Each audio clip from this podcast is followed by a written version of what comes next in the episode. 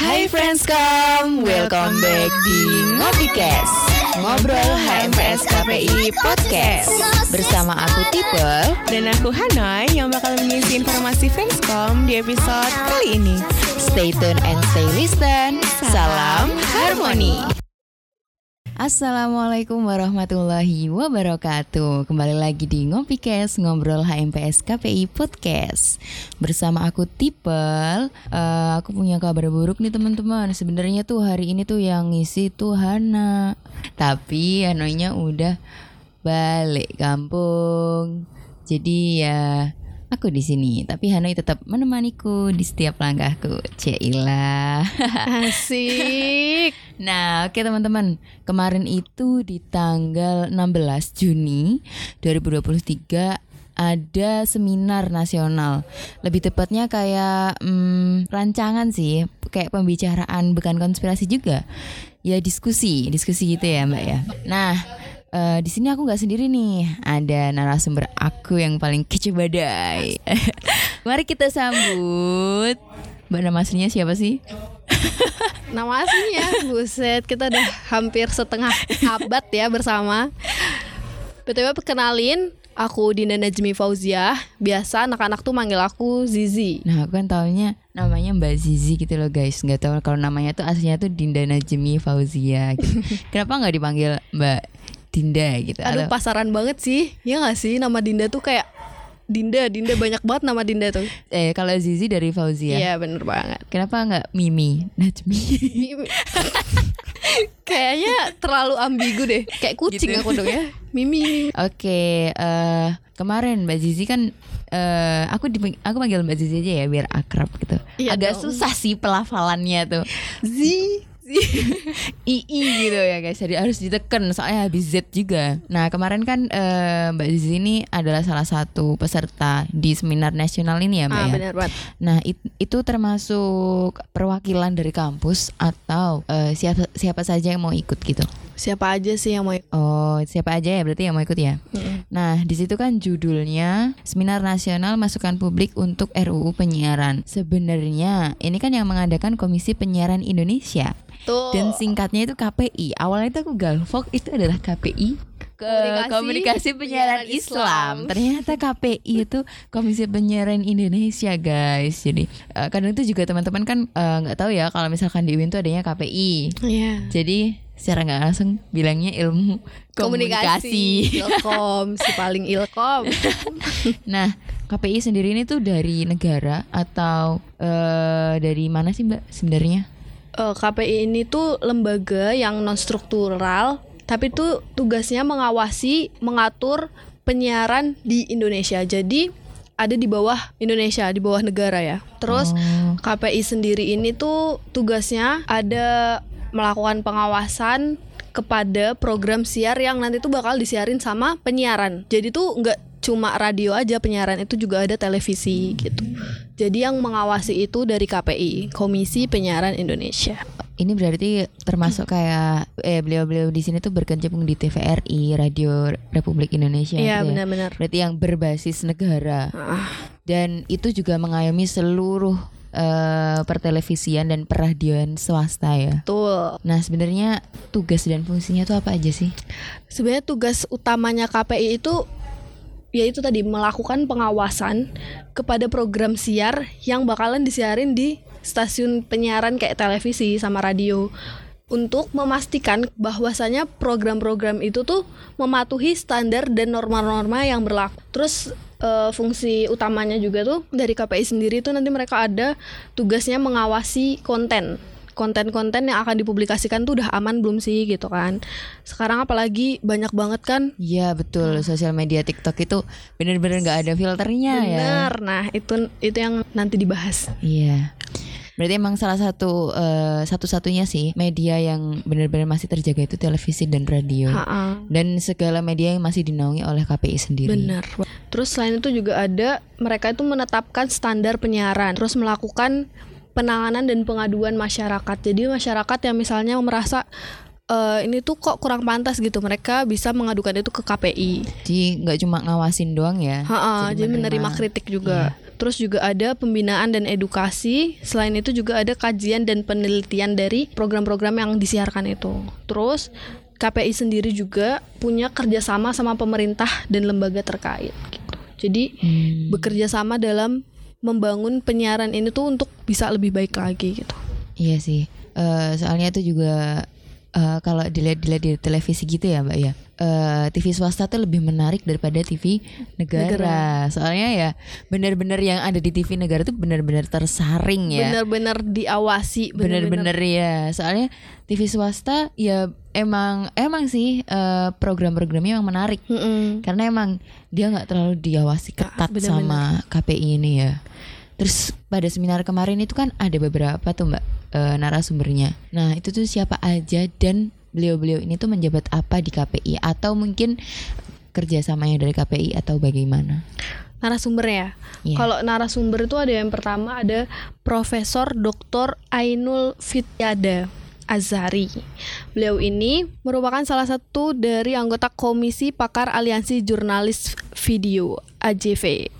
Kemudian terus ada lagi Bapak Mulyo Hadi Purnomo, Komisioner KPI Pusat 2019-2022 dan yang narasumber terakhir itu ada Dr. Lintang Ratri Rahmiaji. Beliau ini adalah anggota Koalisi Nasional Reformasi Penyiaran atau KNRP. Jadi tuh kemarin dari narasumber sendiri yang hadir itu ada dua orang, Bapak Mulyono sama Profesor Dr. Aidul. Eh, kebetulan waktu itu Bu Lintang itu lagi ada halangan, jadi beliau ini mengikuti seminar atau menjadi pembicara dalam seminar ini melalui Zoom, Zoom meeting. Oh gitu. Berarti semua yang eh, beliau-beliau bernama ini pick up ya di depannya. Ha, benar. Dan pembahasannya juga asik. Iya, agak berat sih soalnya ini undang-undang ya. Iya, benar. Nah, eh, forum seminar ini tuh diskusi atau presentasi, Mbak? Kan awalnya narasumber dulu kan Iya. ngasih pemaparan dan lain sebagainya. Dari narasumber sendiri itu juga menyertakan eh, saran atau ajuan dari RUU penyiaran gitu. Terus di sesi akhir sesi itu dari kami dari dari peserta itu juga mengajukan bisa kita mengajukan kritik atau juga mengajukan rancangan gitu. saran Ah. gitu ya. Dan kita juga bisa bertanya di situ. Berarti eh, lebih ke forum ya. Ah, forum. Soalnya kalau udah presentasi kayaknya lebih ke penetapan undang-undang ya. kayak udah mateng gitu Iya. ya. Terus itu kan di situ kan rencana undang-undang ya, Mbak. Kira-kira boleh di-spill nggak apa sih rencana undang-undangnya? Spill nggak ya? Spill dong. Agak berat ya. Sebenarnya tuh eh, dari Bapak Abdul Khoris selaku Wakil Ketua Komisi 1 DPR RI, beliau sendiri menyampaikan kemarin itu bahwasanya draft RUU penyiaran ini tuh sebenarnya udah ada, tapi belum bisa dipublikasikan gitu. Jadi kita sendiri juga belum di spill-spill sih sebenarnya kayak eh, secara kompleksnya gitu loh. Iya. Karena emang belum dikasih ke masyarakat gitu. Berarti masih eh, karena ini masih rencana jadi masih membutuhkan masukan dan Ah, ah. kritikan ya. Nah, itu makanya diadakan forum itu kemarin. Iya sih. Itu pesertanya eh, mahasiswa aja atau umum atau bagaimana, Mbak? Pesertanya ada mahasiswa, ada juga dari umum. Oh, gitu. Tapi masih terkait dengan kelembagaan pertelevisian dan radio ya. Iya, Oke, sebenarnya RUU ini tuh pada media itu fungsinya apa sih Mbak? Kalau mungkin di kan kita pasti punya pendapat masing-masing ya. Eh, adanya RUU ini justru memberi manfaat atau eh, berdampak gitu. Kalau dari RUU itu sendiri tuh, eh, jadi tuh kan dalam penyiaran itu ada kode etik yang dalam RUU itu belum ada gitu loh, belum disinggung. Nah, dari situ tuh kita menyinggung tentang kebijakan dalam media. Fungsinya itu, fungsi dari RUU itu sendiri juga salah satunya untuk membuat peraturan tersebut, peraturan mengenai tentang kode etik di penyiaran gitu. Oh gitu ya. Soalnya tuh juga kita lihat kan zaman sekarang semakin berkembang eh bukan nggak laku sih radio tuh nggak bakal mati sebenarnya karena ad- radio itu salah satu media yang menyiarkan kemerdekaan ya kalau mati ya Indonesia ya Kayak kurang aja. Iya. Kayaknya nggak mungkin sih kalau nggak sampai mungkin mati, mati, mungkin. Mungkin tapi ada media-media yang menyenggol media-media masa itu ya Hmm. jadi kan kalau di media masa tuh kayak contohnya di TikTok, Instagram, eh, Facebook, YouTube, bahkan YouTube itu ada yang membuat berepisode-episode jadi seperti udah layaknya udah Sinetron. televisi Nah, ya. televisi. Heeh. Nah, berarti segala sesuatu yang bisa lolos di TVRI kayak ya pertelevisian negara Mm-mm. itu benar-benar melalui jangka Bener. panjang ya. Iya. Sedangkan jangka panjang itu harus diolah secara cepat karena setahuku ya berita itu kalau makin lama makin basi. Iya dong. Ketinggalan Semua kan tuh harus akhirnya. yang hot, harus Iya yang kan? panas, harus yang up to date banget. Iya sih.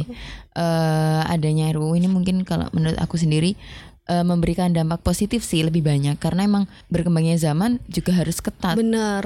Karena emang banyak semakin berkembang semakin banyak yang perlu diawasi, Iya. semakin banyak yang perlu dievaluasi juga betul, kan. betul. Kalau di zaman dulu kan konten kreator gitu masih jarang ya, Mbak ya. Mm, masih. Masih konten kreator tuh kayak kru di TV TV itu kan Bener-bener. masih mereka punya ide, ide-ide masih dikumpulkan, masih disaring lagi, masih diajukan ke negara, masih cocok keluar di TV atau enggak. masih uh, panjang. Iya, masih panjang lah. Kalau sekarang Sedangkan udah kayak kita sekarang satu detik ngupload udah segampang itu. tren, tren Twitter, tren tren TikTok dan lain sebagainya. Padahal cuman hanya dengan hitungan 30 detik atau bahkan nggak sampai 15 satu menit. detik iya. ada ya. Padahal yang harusnya disiarkan pada masyarakat itu harusnya yang berbobot ya harusnya. Ya mungkin karena itu sih. Kemarin juga agak sedikit disinggung di situ sih. Jadi beliau-beliau ini mau sangat ingin untuk memberikan konten yang mengedukasi kepada masyarakat. Jadi mungkin dari sorry dari TikTok sendiri itu nanti dari KPI akan maybe ya mungkin eh, mereka benar-benar mengawasi konten yang sangat mendidik. Sensitif Maksudnya ya. kayak mereka tuh maunya memberikan konten yang bermanfaat bagi masyarakat gitu loh. Iya betul. Mengurangi konten-konten yang nggak nggak ada gunanya lah Iya. ibaratnya. Karena orang awam sendiri tuh kalau ngelihat informasi langsung dilihat langsung Dimakan nggak Ah, nah, nggak dicerna. Ya gampang banget kita kira-kira orang yang kurang maaf ya masih kayak awam gitu ya mbak ya mungkin melihat eh, kayak ramalan TikTok gitu ya kayak yang yang itu tuh yang nama-nama ditulis oh. eh, jadi soulmate atau cocok lah atau gimana berapa persen? Iya. Oh ternyata Kayak langsung- percaya banget. Padahal itu hanya sebuah filter. Benar benar. Cuman karena banyak digunakan, jadi orang-orang pada ya. Terbawa ya. Nah, dan disandung kebetulan, jadi malah tambah kebetulan Eh, dicoba-coba. itu yang akhirnya. bikin kita tuh berharap Iya. pada manusia itu loh. Aduh, aduh, aduh, Itu berat, yang berat, berat, berat, berat, berat. sih kalau menurut aku kalau kayak di mungkin sekarang trennya lebih ke TikTok sih ya. Ha-ha, banyak banget pengguna TikTok. Iya, kalau di media sosial lainnya kayak Instagram itu eh kalau selama aku melihat ini Instagram itu ketika ada konten sensitif dia langsung, di take down. Ada uh, Tapi kalau di TikTok itu ada konten sensi- sensitif itu masih ditawarin dan kayak kamu mau lihat nggak "Eh, itu? eh," kayak konten ini sensitif eh, hanya untuk 18 plus Hmm. misalkan atau mengandung pembunuhan dan lain sebagainya masih ditawarkan ternyata waktu aku pencet masih kebuka gitu Iya masih bisa masih bisa diakses dan Iya sih. eh, gimana ya anak bayi baru lahir tuh udah bisa main TikTok gitu. Iya, tinggal scroll scroll. Jangkauannya luas banget Ha-ha, soalnya. benar-benar. Dan dari satu media sosial itu kita bisa melihat privasi orang sampai dalam-dalam. Sampai eh, sedetail itu. Iya, padahal kalau dulu tuh kita ngelihat artis ataupun bintang tamu gitu ya. Hmm. Oh, kita cuma tahu oh dia ini. Kita cari biodata biodatanya dia di Google. Iya, Nggak benar, ada tuh di Google, bukan dari kalau sekarang di bio Instagram udah ada gitu ya. sudah disertakan. eh kayak bukan me- bukan mengumbar privasi sih tapi emang mungkin itu adalah identitas ya Iya. menurut dari pihak Instagram sendiri dulu kan masih adanya Facebook ya Facebook. Facebook itu masih balak banget. Ya Allah sekarang yang make Iya, bapak-bapak ya kaum kaum bener. yang terdahulu masih muda. Sekarang udah meregren meregenerasi nah gitu. Sebagai mahasiswa komunikasi dan penyiaran Islam ya mbak.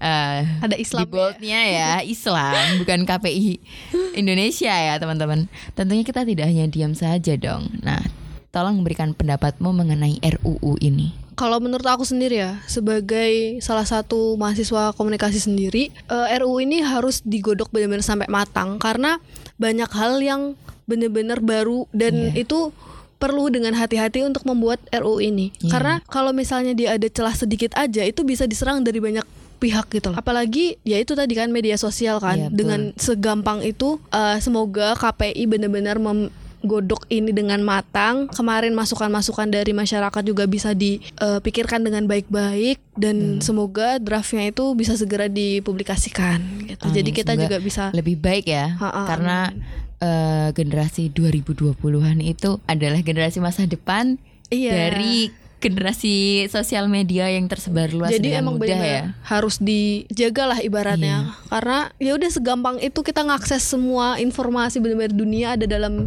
genggaman Iya gitu. betul dunia ada dalam genggaman bener banget mbak apalagi kan kalau zaman dulu kita kan masih kecil tuh masih jarang ya Android bahkan nggak ada, ada.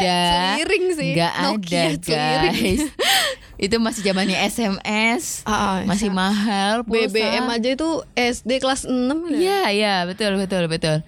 Itu pun ya masih susah lah. Mm-mm. kalau sekarang itu Ah, udah gampang banget teman-teman.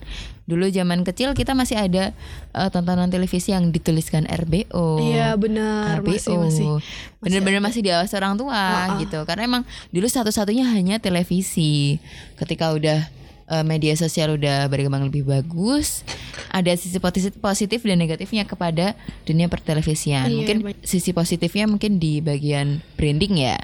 Branding. kalau bakal ada acara ini gitu Iya, tapi ah, sisi itu cepet negatifnya ya. informasi. cepet meluas lah banyaknya media sosial bahkan sekarang sih siapa anak muda yang nggak ada handphone ya Iya. jarang kayaknya bahkan Aduh. hampir nggak ada ya Bocil SD aja udah minta HP. Iya, aduh susah emang anak zaman sekarang. Ya intinya lah kita sebagai mahasiswa sih harus bener-bener eh, lebih detail ya. Iya benar. gitu. Kita juga sebagai mahasiswa sendiri kita juga harus lebih kritis tentang RU. Eh, menurut Mbak Zizi sendiri, apa sih contoh eh, dari konten yang sangat menyimpang gitu? Eh dia tuh banyak sih sebenarnya ya kan. Tapi aku lebih mirisnya adalah ketika konten-konten itu menyajikan potongan-potongan film. Misalnya film itu udah diproduksi dengan biaya yang nggak murah ya kan. Iya.